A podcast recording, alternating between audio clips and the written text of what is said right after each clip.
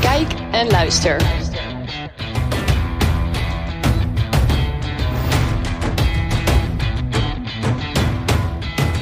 Welkom bij een nieuwe aflevering van Kijk en Luister.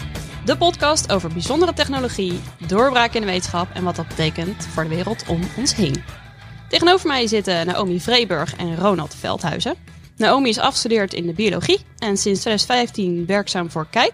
En Ronald is al een paar jaar Kijks eigen midbuster. Welkom Ronald. Hoi, ja, dank je. Ja, leuk dat je naar de redactie wilde komen. Uh, ik hoor het niet aan je, maar je gaf net aan dat je wat verkouden was. Had je niet ja, een beetje geweest. Ja, ja, ja, Had je niet gewoon wat meer vitamine C moeten slikken dan? nee, nee, nee. Het, sterker nog, nou ja, uh, in de zin van, ik ben zelf een fanatiek vitamine C liefhebber als in de vruchten waar ze in zitten. Dus uh, bij ons uh, thuis staat altijd een schaal met mandarijnen of ik, ik drink veel sinaasappelsap. maar ja, dat helpt dus allemaal niet inderdaad. Nee. Dat klopt. Nee, want dat is wel echt een hardnekkige mythe. Dat is wel een hardnekkige mythe. Ja. Uh, dat is ook wel iets wat mensen vaak tegen elkaar uh, uh, zeggen. mijn vriendin die is, die is fysiotherapeut. En als er wat gesnuffeld wordt, dan zeggen alle, alle ouderen van... ja, dan moet je sinaasappel eten. Er zit vitamine C in en dan word je beter. Um, ik heb ook een keer gezien uh, in het boekje. Dat is een boekje dat alle journalisten eigenlijk wel, wel, wel kennen uh, en, en mee opgroeien. Dat is de schrijfwijzer van Jan Renkema. Dus als je denkt van, goh, weet je wel, hoe, hoe moet ik nou, waar moet ik nou aanhalingstekens zetten? Waar mag je nou wel en geen komma zetten? Dat is de schrijfwijzer. En uh, Jan Renkema, die heeft daar een passage in opgenomen over sinaasappels, komma, die veel vitamine C bevatten. Helpen Aha. tegen verkoudheid. Mm -hmm. ja. En en het, punt van de, de, les is natuurlijk dat die komma op de goede plek moet staan. Of dat die, zonder komma staat er de sinaasappels die veel vitamine C bevatten. Alsof er ook veel sinaasappels zouden zijn zonder vitamine C. Dus die komma moet er staan. Um, maar ja, ik heb hem toen, uh, hij, is, hij is op Twitter en toen heb ik hem uh, daarop gewezen van ja, maar dat, uh, dat klopt niet. En hij zei nou, als er een volgende versie komt, ga ik het aanpassen. Oké, okay, dus, kun je nagaan. Ja, dus dat was wel heel grappig. Ja. maar waarom klopt het niet? Wat, wat, nou, wat is de ehm, aanname? Ja, de, nou, de aanname, de, de aanname is meer wetenschappelijke geschiedenis zit er eigenlijk meer achter. Dus je had een soort van gouden tijd uh, in de jaren, ja, moet ik even precies terughalen. Maar vorige eeuw in ieder geval, uh, rond de Tweede Wereldoorlog, vlak daarvoor, vlak daarna is het echt, echt begonnen. Um, dat mensen erachter kwamen van, goh, uh, hoe zit het lichaam moleculair in elkaar? Welke stoffen gaan er allemaal doorheen? Wat heb je allemaal nodig om te overleven? En, en die vitamines die werden op een gegeven moment stuk voor stuk geïdentificeerd. En er was een onderzoeker, Linus Pauling. Uh, hij was biochemicus, geloof ik. En die dacht van, uh, ja, uh, sommige vitamine hebben zo'n belangrijke taak. Daar moeten we eens goed naar kijken. En misschien als we mensen extra geven, dat, dat we het lichaam ook een boost kunnen geven. En, en op een gegeven moment vond hij dat ook in onderzoek. van, kijk, mensen die veel vitamine C slikken, worden minder vaak ziek. En dat heeft hij heel lang uh, uh, zelf ook geloofd en, steeds meer onderzoek proberen te bevestigen. Alleen het nadeel is als je mensen, groepen mensen vergelijkt die uh, veel fruit eten en mensen die geen fruit eten. Daar zitten natuurlijk ook andere verschillen tussen. En daar is het onderzoek in de beginjaren een beetje op, op, op, op ja, op, op een verkeerde benen eigenlijk gaan staan. En iedereen geloofde het van ja, dat is zo, dat is zo. Hij vond een verband, maar het wil niet gelijk zeggen dat dat... Precies, er is wel een verband inderdaad. Want uh, des, te goed, des te gezonder je je lijf houdt, des te, des te beter je immuunsysteem is. Dus natuurlijk krijg je dan minder snel verkoudheid. Maar of het dan aan die vitamine C ligt of aan een andere, andere gezondheidsgewoonte, uh, dat weet je dus niet. Nee. En, uh, en Pauling is er zelf ook zo van overtuigd geraakt dat hij op een gegeven moment zelfs zelf ook in de vitamine-industrie begon te werken. Dus ehm, dat zou ik eigenlijk even, weet je, dat gaan we nu even controleren. Uh, want ik weet zeker uh, dat, dat ik moet hem niet beschuldigen van. Ja, hij is natuurlijk dood. Maar ik moet niet beschuldigen van dingen die niet kloppen. Maar als het goed Hij zou zich omkeren in zijn graf. Ja, nee, maar het is een heel, heel grote uh, biochemicus geweest. Hij heeft ook de Nobelprijs zelfs ah. gekregen. Dus het is echt, echt een, een topper. Ja, oh nee, hier is het Er wordt ter plekke even onderzoek verricht. Ja, er wordt even ter plekke onderzoek verricht. Nee, ik moet, ik, ik, moet, hem, even, ik moet hem even netjes bijpakken. Linus Pauling is, is, is inderdaad een geweldig biochemicus geweest. En hij heeft uh, heel veel belangrijke uh, moleculen in het lichaam geïdentificeerd. En dus daar ook de Nobelprijs voor gewonnen. Maar later dacht hij inderdaad op een gegeven moment van ja, die kleine moleculen die doen alles. Dus die, die zorgen voor alles wat goed is. En uh, hij heeft zich op een gegeven moment gewoon gemengd ook in de alternatieve geneeskunde. Ja. orthomoleculaire geneeskunde. Waarbij je dus ook ja, een soort van stralingsachtige eigenschappen gaat toedichten aan moleculen. Van dat molecuul is zo bijzonder. Het heeft veel meer eigenschappen dan je alleen uit de chemie zou kunnen distilleren. Dus daar begon hij op een gegeven moment in te geloven. En eh, ja, dan is het moeilijk om, uh, om het anders te zien. Ja. Ja, dus dat is, uh, dat is hoe de mythe is ontstaan eigenlijk in ieder geval. Ja. En die heb Ja. jij even flink ontkracht. Nou, nou, nou, nou. het, ja, ik, ik- de, de, de term Mythbuster eh, heb ik van, eh, van jullie, eh, van de Ja, redactie hebben gekregen. jij hem toegewezen. En, eh, en dat klinkt alsof ik alles plat sla met, eh, met eh, grof geweld en grote zekerheid. Maar daar moet je gewoon even natuurlijk goed en rustig naar kijken. En dat, dat doen de onderzoekers dus ook. Want eh, het is ook gewoon een goede, serieuze vraag. Verkoudheid eh, en, en, en griep zorgen voor eh, beide voor veel eh, last en, eh, en eh, ziektekosten. Dus ja, als het echt zou werken, dan is het goed om dat te weten. Eh, dus het is, er is echt wel grondig onderzoek naar verricht in de jaren 80, jaren 90. En dan ga je echt grote groepen mensen vergelijken of extra vitamine C geven. Kijken welke groep eh, vaker verkouden wordt of niet. Ja, en dan blijkt dat er eigenlijk toch geen verschil is. ehm, voor de, de, meeste mensen, zeg nee, maar. nee. En toch is er denk ik nog steeds een gigantische groep die daarin blijft geloven. Ik bedoel, Ja. ik hoor mijn eigen moeder ook vaak genoeg zeggen... eet je wel genoeg vitamintjes als Ja. je verkouden bent? Waarom willen wij dan per se zo graag daarin geloven? Ja, Mythes, ja. Ja, nou, dat, is wel, dat is wel goed dat, je, dat we ook met deze mythe beginnen wat dat betreft. Ehm, de meeste mensen, en ik zelf ook, eh, daar is ook wel onderzoek naar gedaan, houden er niet van om geen controle te hebben over dingen. Mhm. En eh, het, ik vind het zelf, nou ja, ik ben dus net verkouden geweest. Ik vind het zo verschrikkelijk dat het gewoon, dat buiten mijn eigen, eh, ja, buiten mijn eigen, eigen wil om, buiten wat ik eraan kan doen, dat ik gewoon op de bank lig ineens. Van shit, ik, ik kan niks meer. En je wil dat niet. Je wil er, je wil vanaf. Je wil, je, wil, gewoon weer dingen gaan doen. Eh, dus je wil gewoon op wat voor manier al, altijd controle uitoefenen op dat soort dingen. En eh, ja, en als je dan dat hoort, en ja, dan kun je wel lezen over dat onderzoek dat, waaruit blijkt dat het niet zo is, die vitamine C. Maar ja, dan ga je toch, je gaat omdat je die controle wil, ga je toch die kleine kans pakken dat het voor jou misschien toch wel geldt. En ja, eerlijk is eerlijk. Ik bedoel, dat moet je ook wel gewoon, daar moet ik zelf ook eerlijk in zijn. Al die grote onderzoeken, het is allemaal statistiek. Hè? Je kunt gewoon, als je die groepen vergelijkt, eh, is de kans op een verkoudheid bij allebei de groepen even groot.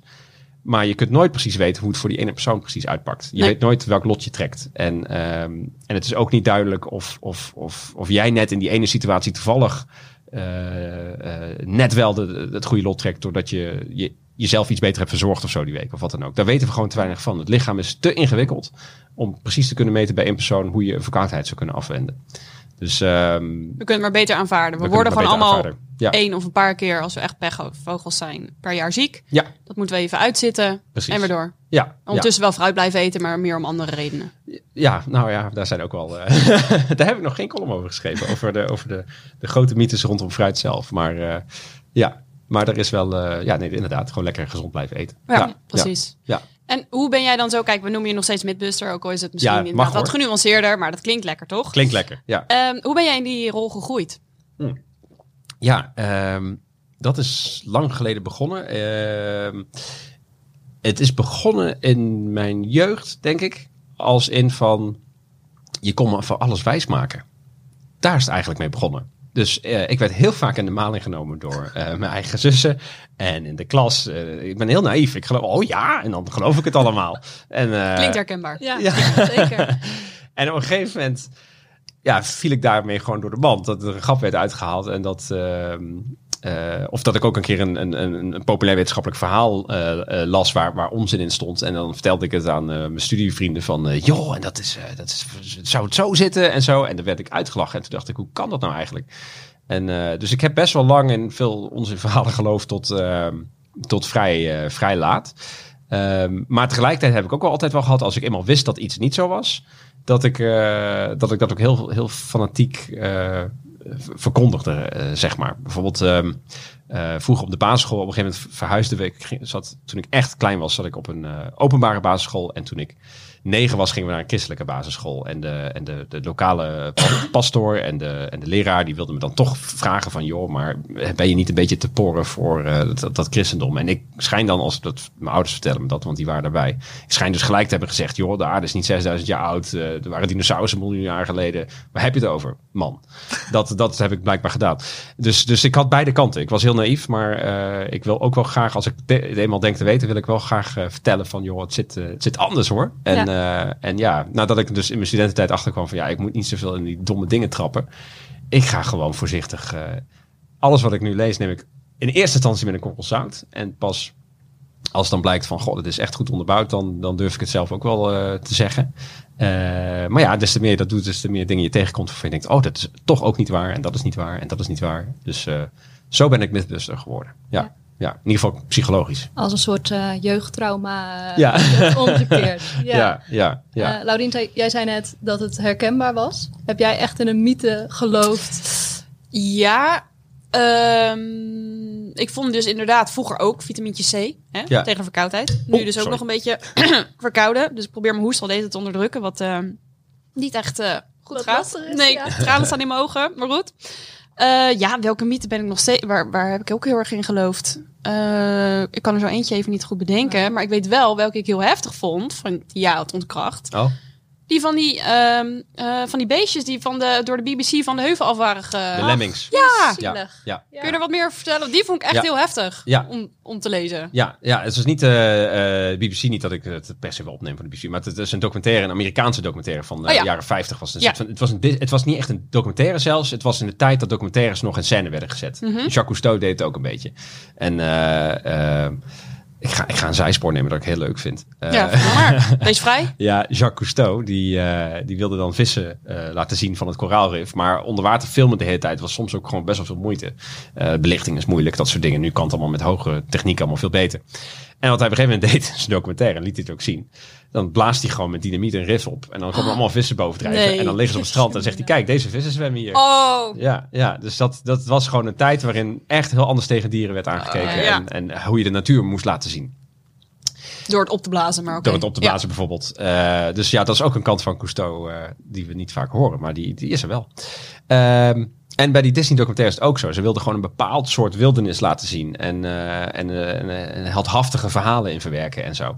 En eh, je hebt in de Poolcirkel, binnen de Poolcirkel, heb je dus lemmingen. Dat zijn een soort van, ja, cavia-achtige beesten, moet ik eerlijk zeggen. Eh knaagdiertjes en die scharrelen wat rond op de toendra. Die eten daar van die harde grassen.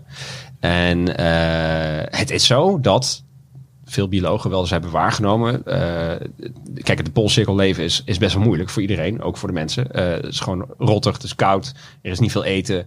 Dus je moet altijd keihard werken om te overleven. En die lemmingen, die, dat is net als met konijnen, die leven in enorme groepen.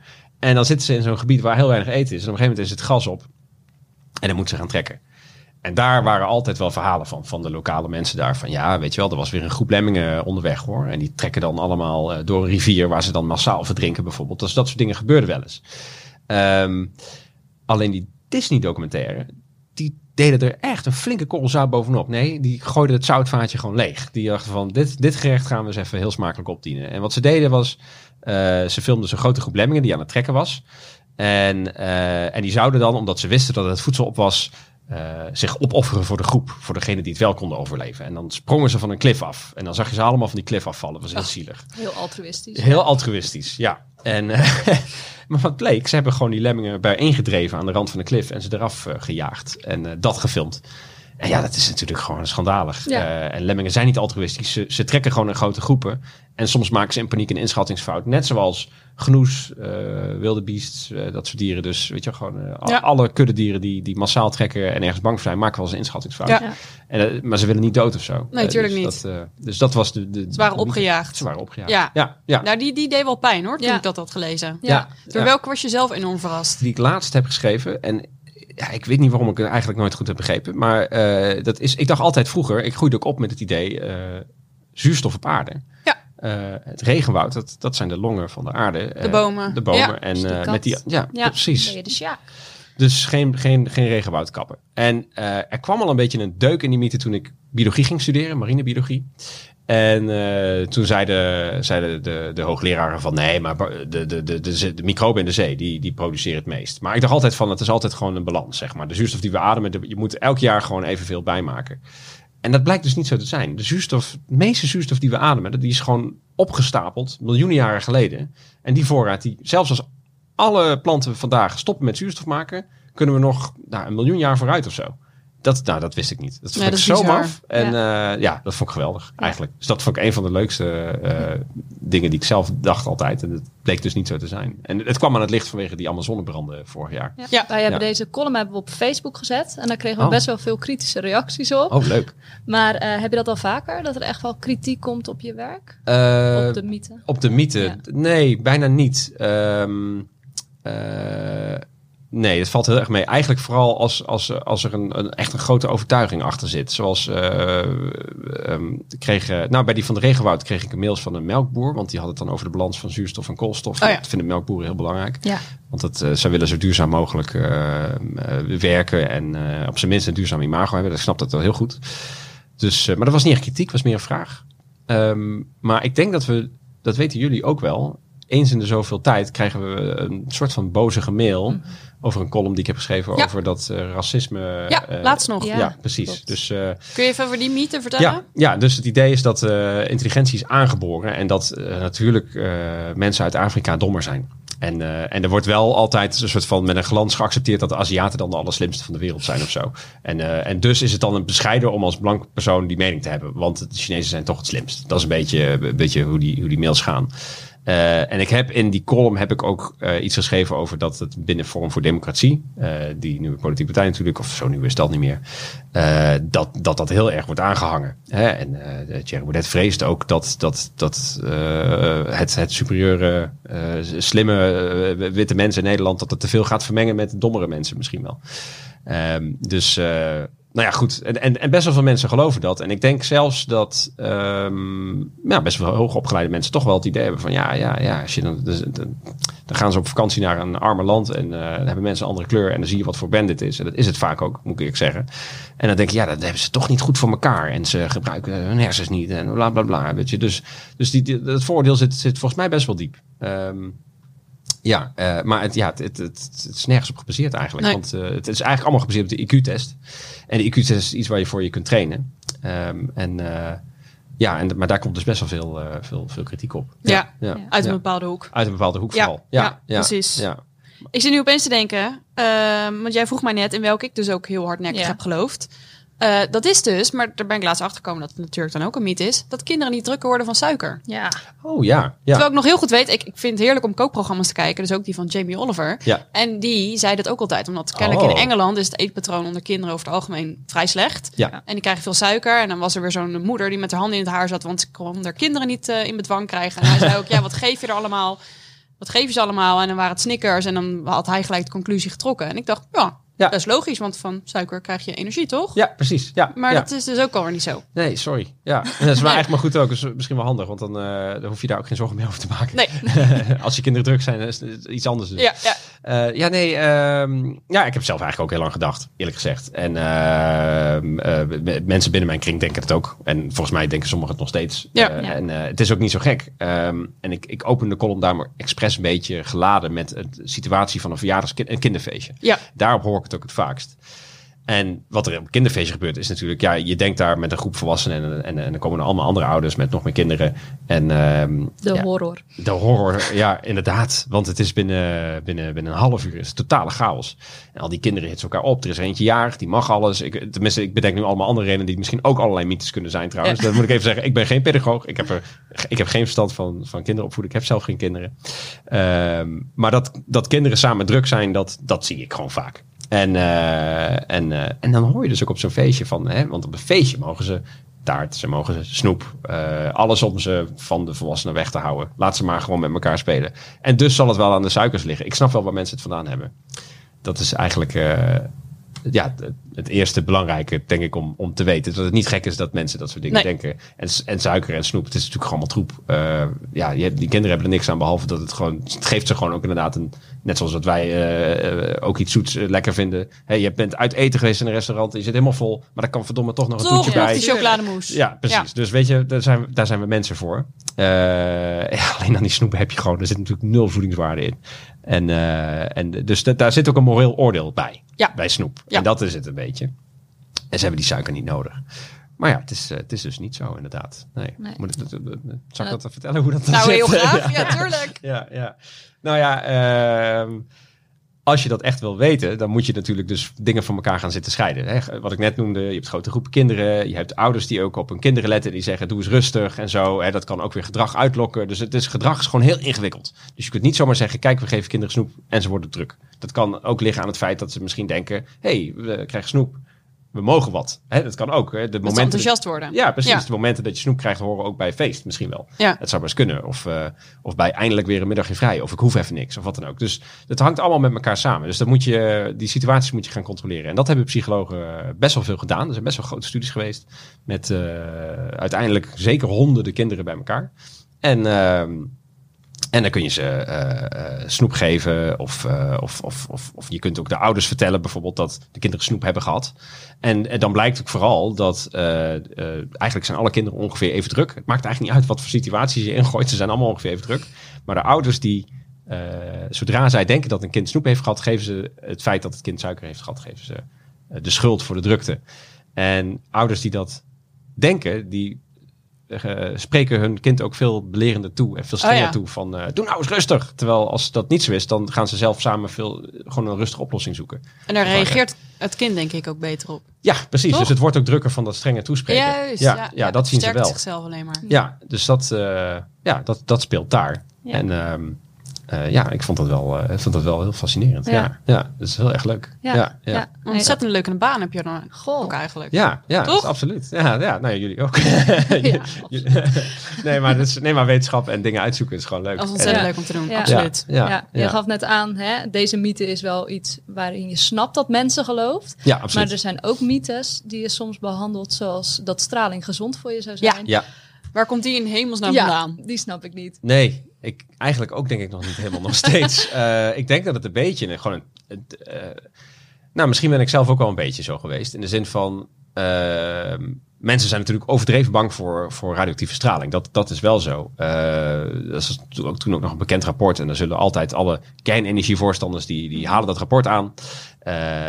In Japan, bij, de, bij de tsunami is natuurlijk die kerncentrale ondergelopen. En eh, nou, het gebied is geëvacueerd rondom Fukushima. En ehm, wat bleek nu? De evacuatie heeft gewoon zeker weten meer mensenlevens gekost dan als die mensen daar waren gebleven. Oh, zo. Ja. Dat wist ik niet. Ja, want je hebt het over allemaal. Japan heeft een heel, heel grote eh, populatie aan ouderen. Hè? Dus, en overal maakt niet uit waar je komt in Japan. Overal zijn grijze koppies.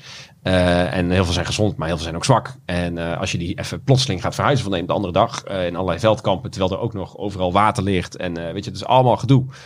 Dan gaan er gewoon slachtoffers vallen. Stress, aan stress. Aan stress, maar ook aan eh, niet goede medicijnen op tijd, dat soort Oh, dingen. Dus eh, dus van alles. Er zijn honderden mensen eh, gestorven in de, in de periode van die e- evacuatie, vooral ouderen hoor. Ehm, terwijl je kunt ook uitrekenen gewoon hoeveel straling er is in het gebied en hoeveel extra risico op kanker dat geeft. Ja, als je al oud bent, dan, dan weet je, het duurt lang om een kanker te ontwikkelen door straling. Dus het zou voor hun jaren duren en dan sterf je meestal toch wel weer aan iets anders. Dus eh, effectief gezien zou er, geloof ik, een heel Fukushima eh, door de straling. Ja, je kunt het op één hand tellen hoeveel mensen dan uiteindelijk daaraan zouden gestorven zijn. Eh, terwijl ja, het gaat nu om honderden mensen die geëvacueerd zijn. die daar gewoon door de stress inderdaad Ja, ja. En, en het gedoe zijn gestorven. En als je dan een voorstander bent voor kernenergie, dan, dan wint je daarover op. En ik heb dat ook een beetje. Dat ik denk van, wauw, dat is zonde. Weet je wel, waarom doen we er zo moeilijk over? Eh, dat heb ik wel een beetje. Maar ik ben geen risico-expert. Eh, ik, weet, ik, zou, ik, ik, ik neem geen beslissingen over evacuaties. Dus ik zou niet weten wat je wel zou moeten doen. Het gaat om wat je accepteert als risico als maatschappij. En eh, om even gauw dus terug te komen op waarom geloven mensen dat?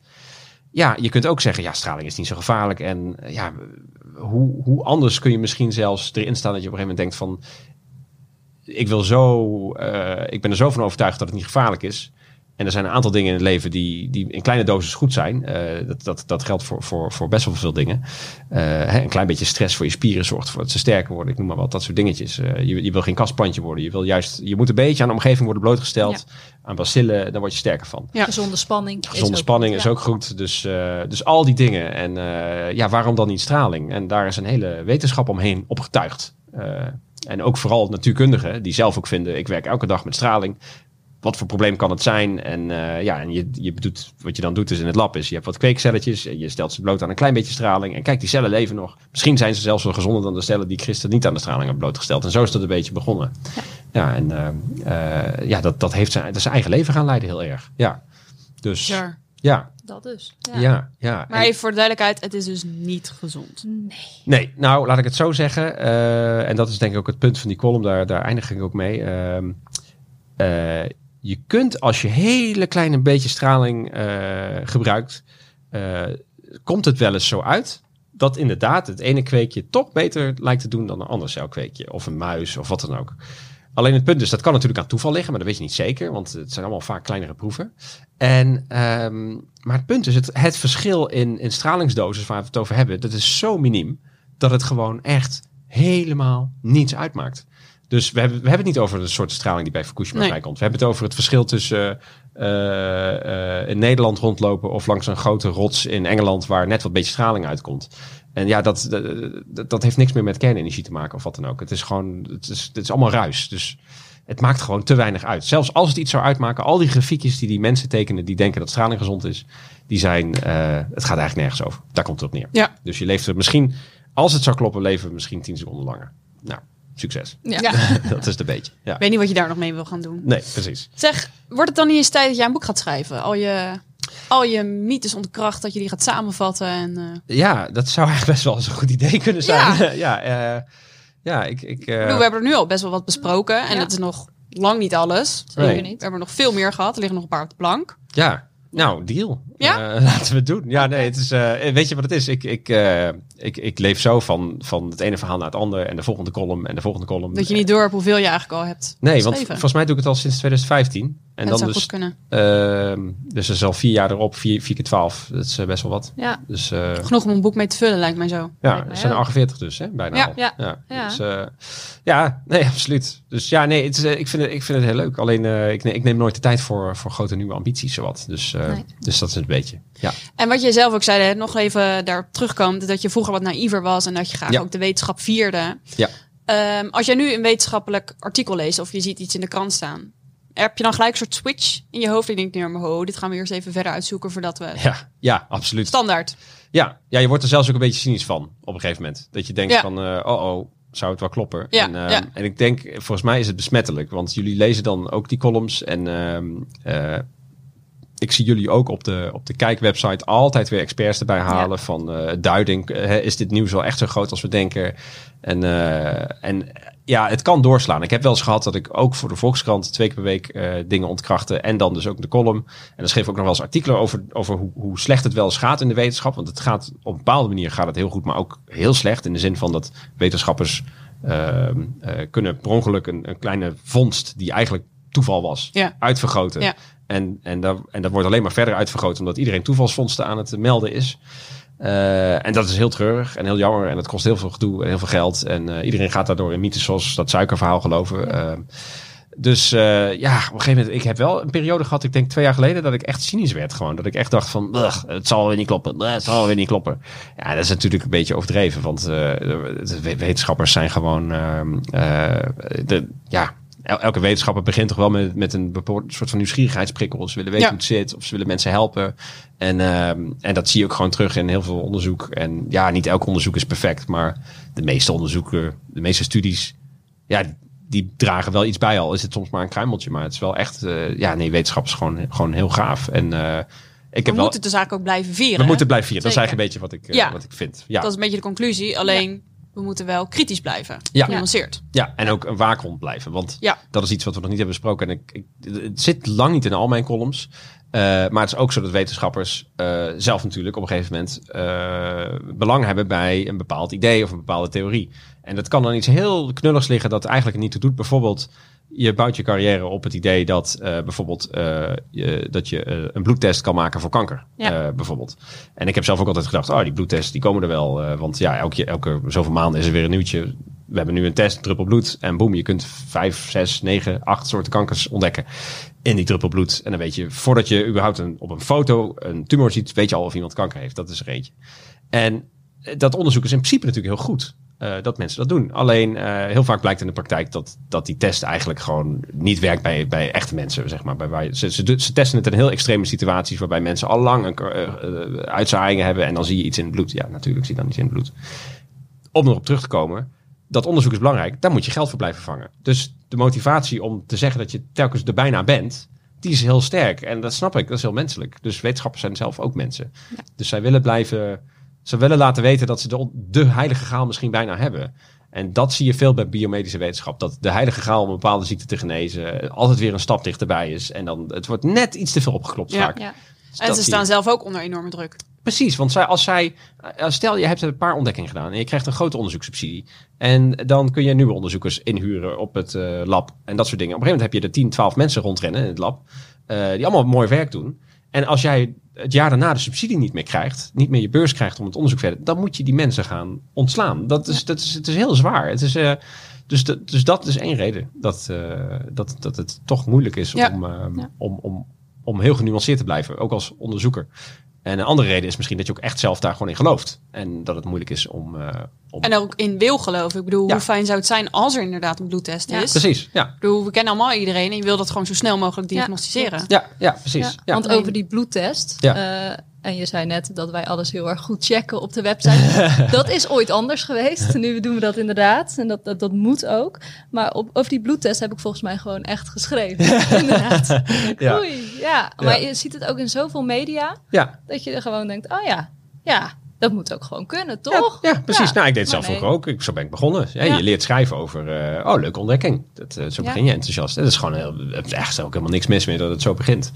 Ehm, maar je ziet nu overal, iedereen die hier nu begint, eh, we zijn allemaal denk ik strenger geworden. Dus, Ja, veel. Dus ja, mensen leren nu ook gewoon veel strenger te beginnen. En dat is eigenlijk ook, ook wel gewoon goed. Dus, Absoluut. Ja. Hey, en wat is de laatste mythe waarin jij je hebt eh, vastgebeten? Eh, de laatste mythe waar ik heb vastgebeten, dan moet ik even nadenken. Ehm, wat was het ook alweer? Het zijn er nogal veel. Het zijn er nogal veel. Ehm, het was weer iets met kinderen. Ja, is mijn enig ja, kind, hè? Enig Ja. kind. Ja, ja eh, dat enige kinderen, of enig kinderen moet je zeggen. Mhm. Dus dat zijn kinderen die zonder broers of zussen opgroeien. Dat die later ook als volwassenen ehm, eh, ja, eigenlijk een soort van verwend worden. En eh, ver- verwende karaktereigenschappen krijgen. eh, egoïstisch zijn. eh, niet goed met anderen eh, hebben leren kunnen omgaan. Dus ze zijn sociaal niet handig en dat soort dingen. Want ja, daar heb je broers en zussen voor nodig. Zo is het idee. En ehm, ik merk het zelf wel eens op. En misschien heb ik het zelf vroeger al wel eens gezegd tegen, tegen, tegen mensen toen ik nog een beetje een studentenkneus was. Van "Huh, wanneer komt er een tweede? En dan moet anders is hij zo zielig alleen. Hè? Want dat zeggen mensen tegen elkaar. Ik weet niet of een van jullie dat al wel eens heeft meegemaakt. Ja hoor, dat heb ik meegemaakt, ja. En eh, ook dat je, hè, nee, er moet maar twee jaar tussen zitten, anders kunnen ze niet lekker met elkaar spelen. Maar dat is weer een andere, Ja. andere kant. Ja, nou ja, weet je, het kan best een goede reden zijn om te zeggen van ik heb liever dat ze niet dat ze lekker met elkaar kunnen spelen, want dan heb ik meer tijd voor mezelf. Hè, dat zou een goede reden kunnen zijn. Maar eh, dat kinderen daardoor dus gewoon eh, sociale idioten worden als ze alleen opgroeien. Ja, dat blijkt gewoon niet zo te zijn. Daar is ongelooflijk veel onderzoek naar gedaan. Heel veel al 40 jaar geleden eigenlijk. Want eh, het was een vraag die al heel lang speelde. In 1860 en 1870, 1890 waren er al psychologen die zeiden van eh, enig kind zijn is een ziekte. Weet je wel, dus die Och. hadden er allemaal dingen. En Freud had het over dat ze dan natuurlijk iets met seks weer niet konden. Dat is echt, het is, het is ongelooflijk dat soort conclusies werden allemaal getrokken. En, eh, en ja, toen zijn psychologen, toen ze eindelijk dingen gingen meten, zijn ze toch gaan kijken. En toen bleek, eh, ja, de karaktereigenschappen eigenlijk niet verschillen. Het enige, en dat staat niet in mijn column, omdat ik eigenlijk net niet de ruimte had. eh, het enige wat je kan zien is dat enige kinderen halen vaak iets hogere cijfers op school. Ehm, maar niet hoger dan eerste kinderen. Dus eh, de laatkomers die, eh, die presteren vaak ietsje minder. Niemand weet precies nou waar dat eigenlijk echt aan ligt. Maar, eh, dus het, maar het eerste kind, of het enige kind, want dan ben je ook de eerste, die doen het vaak beter. En dat kan liggen aan het feit dat ouders natuurlijk al hun aandacht aan hun schenken. Dat zou best kunnen. Ja. Dus, eh, maar qua karaktereigenschappen, of je er asociaal voor wordt, of, eh, het, is allemaal, allemaal, het maakt allemaal niet uit. Nee, dus dat, eh, Volgens mij komen ze ook in aanraking met andere kinderen op, bijvoorbeeld een kinderdagverblijf. Of, Precies, ja. dat begint nu ook al heel vroeg. Ja. En, en vroeger werden kinderen ook naar allerlei kraamdingen gestuurd en zo. Dus nee, dat, daarom, er is ook geen reden om aan te nemen dat, dat, ze, dat ze nooit andere kinderen tegenkomen. Dus het is ook gewoon niet logisch. Overigens ben ik zelf eh, derde kind. Dus eh, het was niet een persoonlijke vete of zo eh, voor mij om, om het uit te zoeken. Maar eh, ja, dus, eh, ja, Dus ben jij als luisteraar enig kind, je hoeft je geen zorgen te maken. precies. precies. Tenminste, niet om dit gedeelte. niet om dit. Nee. En meer erover lees je ook in de kijkeditie die, sinds, eh, die nu eigenlijk in de winkel ligt. Sinds gisteren. Ja. Hey Ronald, ik vond het echt superleuk dat jij hier eh, langskwam om wat meer te vertellen over je beroep in principe. Ja. En over, eh, over alle mythes die je al ontkracht hebt. Blijf je nog even doorgaan voor ons? Eh, ja, ik hoop nog, eh, nog wel vijf jaar erbij eh, Ach, te kunnen gelukkig. doen. Dus eh, als je, als smullen van je verhalen namelijk. Dus Ja. dat vinden we hartstikke leuk. Kunnen we twee boeken maken? Ja. ja. nou, dankjewel. laten we met die eerste straks even verder gaan Ja, babbelen. En Ja. dat vond, was wel een goed idee. Goed, dit was Kijk en Luister. Wil je niks missen van het laatste nieuws op het gebied van wetenschap en technologie? Bezoek dan onze website kijkmagazine.nl en eh, volg ons natuurlijk op Facebook, Twitter en Instagram. Volgende maand zijn we er weer met een nieuwe aflevering. Dus als je je abonneert op dit kanaal, word je automatisch op de hoogte gehouden van een nieuwe Kijk en Luister podcast.